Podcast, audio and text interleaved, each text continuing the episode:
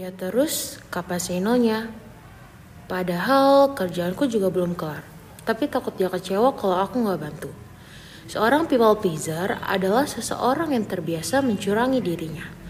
Kira-kira seperti itu pergolakan batin dari people pleaser saat ada orang lain yang meminta bantuan. Kata tidak menjadi hal yang sulit keluar dari mulut people pleaser. Sulitnya untuk mengatakan tidak didasari adanya rasa tidak enak ketika menolak sebuah permintaan. Meski menolong itu baik, tapi perlu diingat untuk tahu batasan dari diri kamu. Kalau kamu termasuk orang yang sulit mengatakan tidak, belajarlah mulai sekarang dan pahami sejauh mana batasmu. Seorang people pleaser itu susah banget untuk menyatakan opini dari diri sendiri. Well, gak hanya rasa takut dia memotivasi orang untuk people pleaser. Bisa jadi simply kamu gak mau nambah beban orang di sekitar.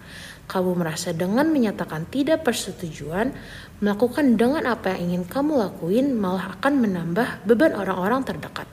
Ya apa pun alasannya, sifat people pleaser ini bukan sifat yang baik untuk diri sendiri. Walaupun sekilas terasa baik dan menyenangkan untuk orang lain, tapi ini bisa merusak dirimu secara mendalam. Kamu jadi nggak tahu tujuan hidup kamu dan kesehatan mental udah pasti terganggu. Ada perbedaan antara orang yang memberi bantuan karena kebaikan dan orang yang memberi bantuan untuk menyenangkan orang lain. Umumnya, orang membantu karena hal tersebut baik atau untuk membalas budi. Bagi people pleaser, tujuan membantu orang lain adalah karena mereka takut tidak disukai. Dampak buruknya banyak banget kalau kita ngomongin secara psikologis. Contohnya, satu, hal ini bisa menjerumuskan kamu ke pola perilaku nggak sehat. Lama-lama, secara nggak sadar, kamu akan sangat tergantung dengan orang lain secara emosional atau codependency. Kamu hidup di state yang pasif, alias hanya mengikuti kemauan orang-orang gak percaya dengan keputusan yang kamu buat sendiri.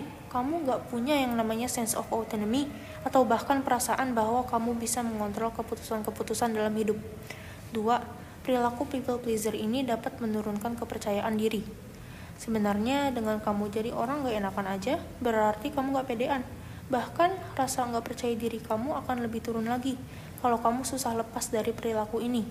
Kamu udah terbiasa sampai di titik di mana ya ya udahlah emang bawaan gue kayak gini gue nggak pedean gue udah nggak bisa berubah lagi Tanda umum yang dialami oleh penderita people pleaser atau orang gak enakan.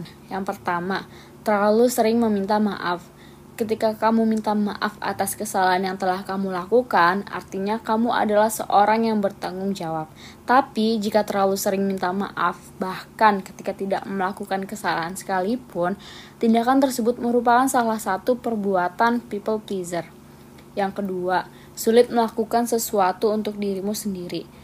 Terlalu menempatkan orang lain sebagai prioritas dan kurang memiliki waktu untuk diri sendiri membuat kamu sulit mengenali diri sendiri kamu bakal kesusahan untuk mengetahui apa yang benar-benar kamu inginkan dan bisa membuatmu bahagia. Dan bagaimana untuk mengatasi sikap gak enakan atau people pleaser? Yang pertama adalah kamu harus menentukan skala prioritas dalam hidup kamu. Pikirkan tentang hal-hal yang kamu anggap penting dan apa saja yang membuatmu merasa lebih baik. Pikirkan apa yang ingin kamu lakukan dan setelah dapat jawabannya, let's be consistent Beranikan diri untuk bilang enggak ke hal-hal yang emang gak akan membuatmu berkembang. Ini akan membuat kamu merasa punya kontrol terhadap hidup kamu sendiri. Menetapkan batasan dan jadinya akan membuatmu lebih fokus. Melakukan ini emang gak gampang, apalagi kalau misalnya kamu udah terjebak di dalam siklus people pleaser ini dalam waktu yang cukup lama. Dan yang kedua, meningkatkan kepercayaan diri secara internal kayak tadi disebutin sebelumnya, salah satu alasan bersikap nggak enakan adalah kamu ingin dapat dapat validasi. Kamu ingin dapat apresiasi dari orang lain. Itu berarti kepercayaan kamu sumbernya dari eksternal. Yang bisa kamu lakuin adalah validasi diri kamu sendiri. Selain itu, sadarlah kamu nggak perlu untuk merasa harus membahagiakan orang lain. Karena pada dasarnya, bahagia atau enggaknya mereka adalah tanggung jawab diri mereka sendiri. Dan ini berlaku buat kamu juga, kebahagiaan kamu adalah tanggung jawab kamu.